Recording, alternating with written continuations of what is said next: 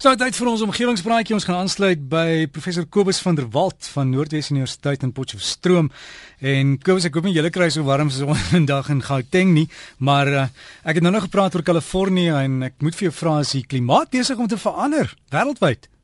Goeiemôre Derek, môre al ons omgewingsvriende. Ja, weet jy Derek, ek kry steeds gereeld vrae oor klimaatsverandering en of dit nou regtig aan die gebeur is.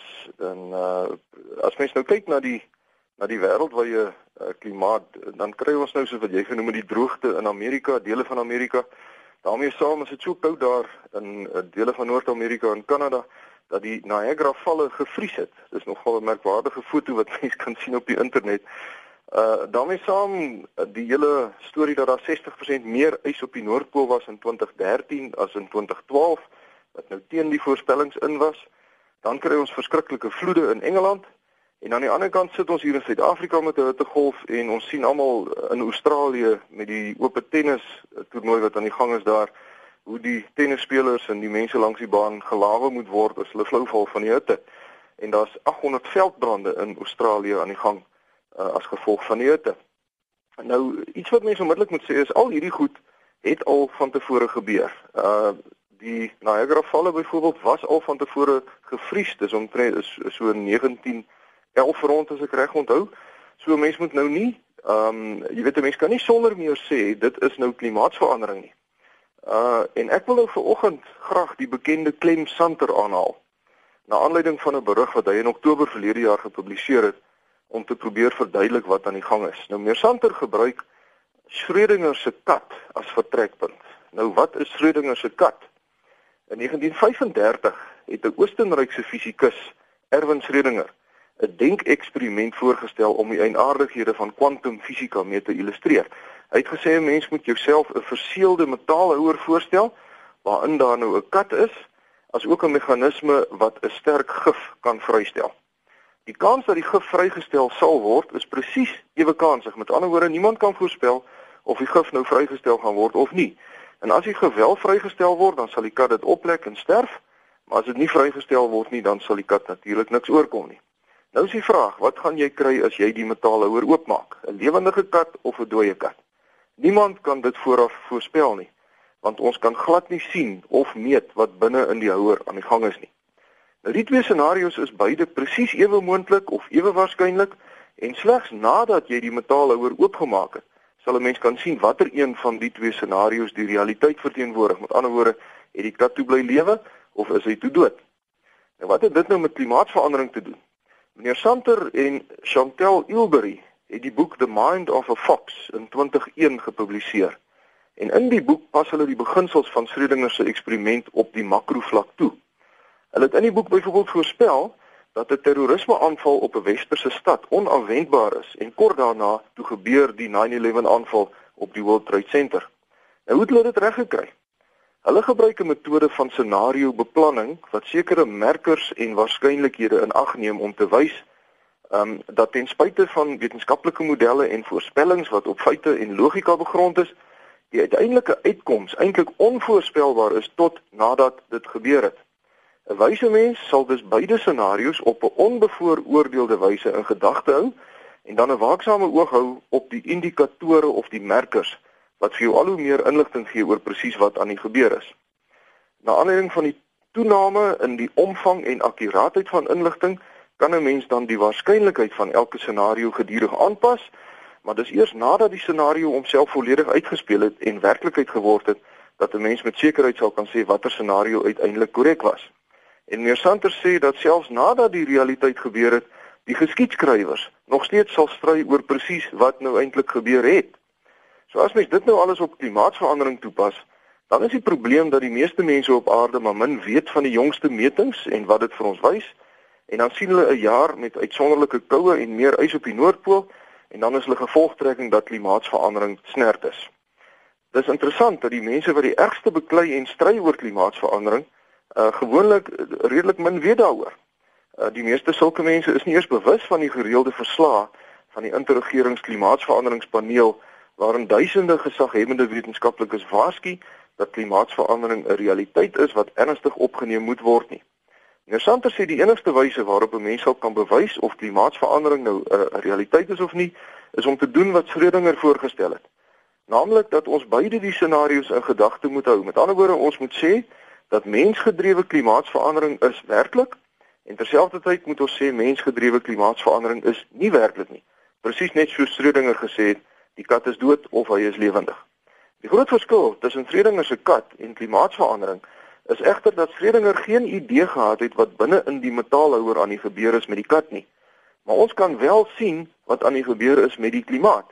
Ons meet die reënval, ons meet windsnelhede, ons meet stormfrekwensies en intensiteite, die temperatuur van die atmosfeer en die seewater, seevlakke, gletsers en hierdie reuse klomp inligting word gebruik om die waarskynlikheid van elke scenario voortdurend te verfyn. Nou volgens meneer Santer moet 'n mens dan nou besluit by watter vlak van sekerheid gaan jy nou iets doen aan die saak. Met ander woorde, hoe seker moet ons wees dat klimaatsverandering nou 'n realiteit is voordat ons regtig iets drasties gaan begin doen aan die mens se CO2 vrystellings? En meneer Santer se gevolgtrekking is dat niemand tans al kan sê presies hoe klimaatsverandering homself gaan uitspeel en hoe erg dit gaan word nie en wat die uiteinde daarvan gaan wees nie. Dit kan nog dekades lank neem voordat ons genoeg inligting sal hê om sonder enige twyfel te kan sê wie toe reg was. Maar die probleem is dat dit waarskynlik teen daardie tyd te laat sal wees om enige verskil te maak aan hierdie verandering in ons klimaat. En gebaseer op huidige inligting oor klimaatsverandering kom meneer Santer tot die gevolgtrekking dat die waarskynlikheid dat mensgedrewe klimaatsverandering wel plaasvind, tans sterk genoeg is om onmiddellike optrede te regverdig om koolstofvrystellings in die atmosfeer te beperk.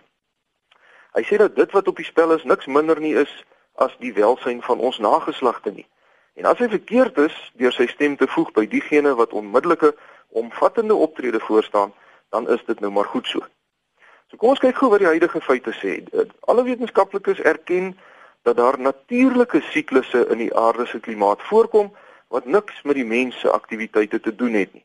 Hierdie warmer en kouer tye kom al vir honderde duisende jare voor, lank voordat daar mense was wat fossiel brandstowwe verbrand het. En hierdie warmer en kouer tye het uh, gekorreleer met laer en hoër konsentrasies van koolstofdioksied in die atmosfeer. Dis natuurlike siklusse. Uh, en daar's natuurlike tye van hoë CO2 en tye van lae CO2 en die mens het niks daarmee te doen nie. Wat egter tans aan die gebeur is, is dat die stygings van die CO2 vlak in die atmosfeer baie vinniger is as wat nog ooit voorheen waargeneem is. En dit lyk asof die mense aandeel in hierdie vinnige stygings in die orde van 25% is wat beteken dat omtrent 3 kwart van die veranderinge wat ons tans waarneem natuurlike siklusse is. Maar omtrent 'n kwart daarvan word deur die mens veroorsaak. En dan moet ons ook onthou dat die kennis oor hierdie saak elke dag toeneem. Wat Al Gore 10 jaar terug gesê het, is nie meer 100% geldig vandag nie want die kennis het toegeneem. Die geweldige koue in die noordelike halfrond en die groot hoeveelheid ys op die noordpool blyk die gevolg te wees van 'n toename in weer uiterstes. Met ander woorde, dit lyk of die straalstrome in die boonste atmosfeer se snelheid afneem met die gevolg dat weerstelsels meer staties is en wat vroeër 'n dag of twee se koue in die VSA sou gewees het, duur nou 'n week of twee of selfs langer as 'n maand en die droër plekke op aarde word nog droër en die nat plekke word nog natter en die warm plekke word nog warmer, maar in die geheel gesien is die atmosfeer besig om stadig maar seker al hoe warmer te word. Nou al hierdie goed bevestig die feit dat klimaatsverandering 'n werklikheid is. En daarom stem ek 100% saam met Clem Santer dat ons nie kan bekostig om enigsins ons uh, intervensies langer uit te stel nie. En dit moet in ons denkraamwerke begin. 'n Voorbeeld daarvan, as ons kyk na die hidrobreking in die Karoo, dan beklei almal oor die waterbronne van die Karoo wat dalk besoedel gaan word en dit is natuurlik belangrik. Maar die eintlike kwessie is dat ons dit nie moet doen nie omdat ons nie kan aanhou om koolstofdioksied in die atmosfeer vry te stel nie. Ons moet groen gaan. Die regering wil verder 'n derde groot kragstasie bou as die twee wat nou tans gebou word eendag klaar is. Maar ons durf dit nie doen nie want ons kan nie voortgaan om nog meer CO2 in die atmosfeer vry te stel nie. Dit is die eintlike kwessie waaroor dit gaan. En in hierdie verband het ek op 'n baie oulike voorgestelde projek afgekom om bestaande laagkoste behuising meer omgewingsvriendelik te maak. In die jare na 1994 het die Suid-Afrikaanse regering meer as 3 miljoen laagkoste huise gebou. En dit is lofwaardig dat miljoene van ons mense nie meer in modderhitte of in plakkershitte hoef te bly nie. Maar die probleem is dat baie van die huise op die goedkoopste moontlike manier gebou is met geen oorweging aan die effektiwiteit van so 'n huis met betrekking tot die gebruik van hulpbronne nie. So die huisies is koud in die winter en warm in die somer en swak verlig aan die binnekant. Nou die Green Building Council van Suid-Afrika het onlangs bereken dat indien ons hierdie 3 miljoen hophuisies meer omgewingsvriendelik kan maak, ons genoeg elektrisiteit kan bespaar om 'n stad soos Kaapstad van krag te voorsien. En ons kan dit bereik deur eenvoudige goed, die installasie van songiesers, geïsoleerde plafonne, verbeterde kookgeriewe en so aan. Hierdie projek sal 36 miljoen mandae se werk skep. Ons sal 10 miljoen ton se koolstofkrediete verdien en ons sal 3 miljard rand per jaar spaar. Die koste om die huise meer energie-effektief te maak is bovendien minder as die koste om 'n nuwe kragstasie te bou om meer elektrisiteit op te wek. En hierdie soort denke is wat in ons almal moet wees as ons klimaatsverandering effektief wil beveg. Klimaatsverandering lyk al hoe meer of dit 'n werklikheid is en ons het geen keuse nie as om dringend daarop ag te slaan nie. Omgewingsvriende, daarmee sluit ek af. Skryf gerus vir my by kobus.vanderwalt by nwu.ac.za of by die fakulteit Natuurwetenskappe Noordwes Universiteit Potchefstroom 2520. Vriendelike groete tot 'n volgende keer en ek hoop u geniet hierdie warm dag wat vir ons voorlê. So gesels ons dan met Kobus van der Walt. Daai e-posadres is kobus.vanderwalt by nwu.ac.za.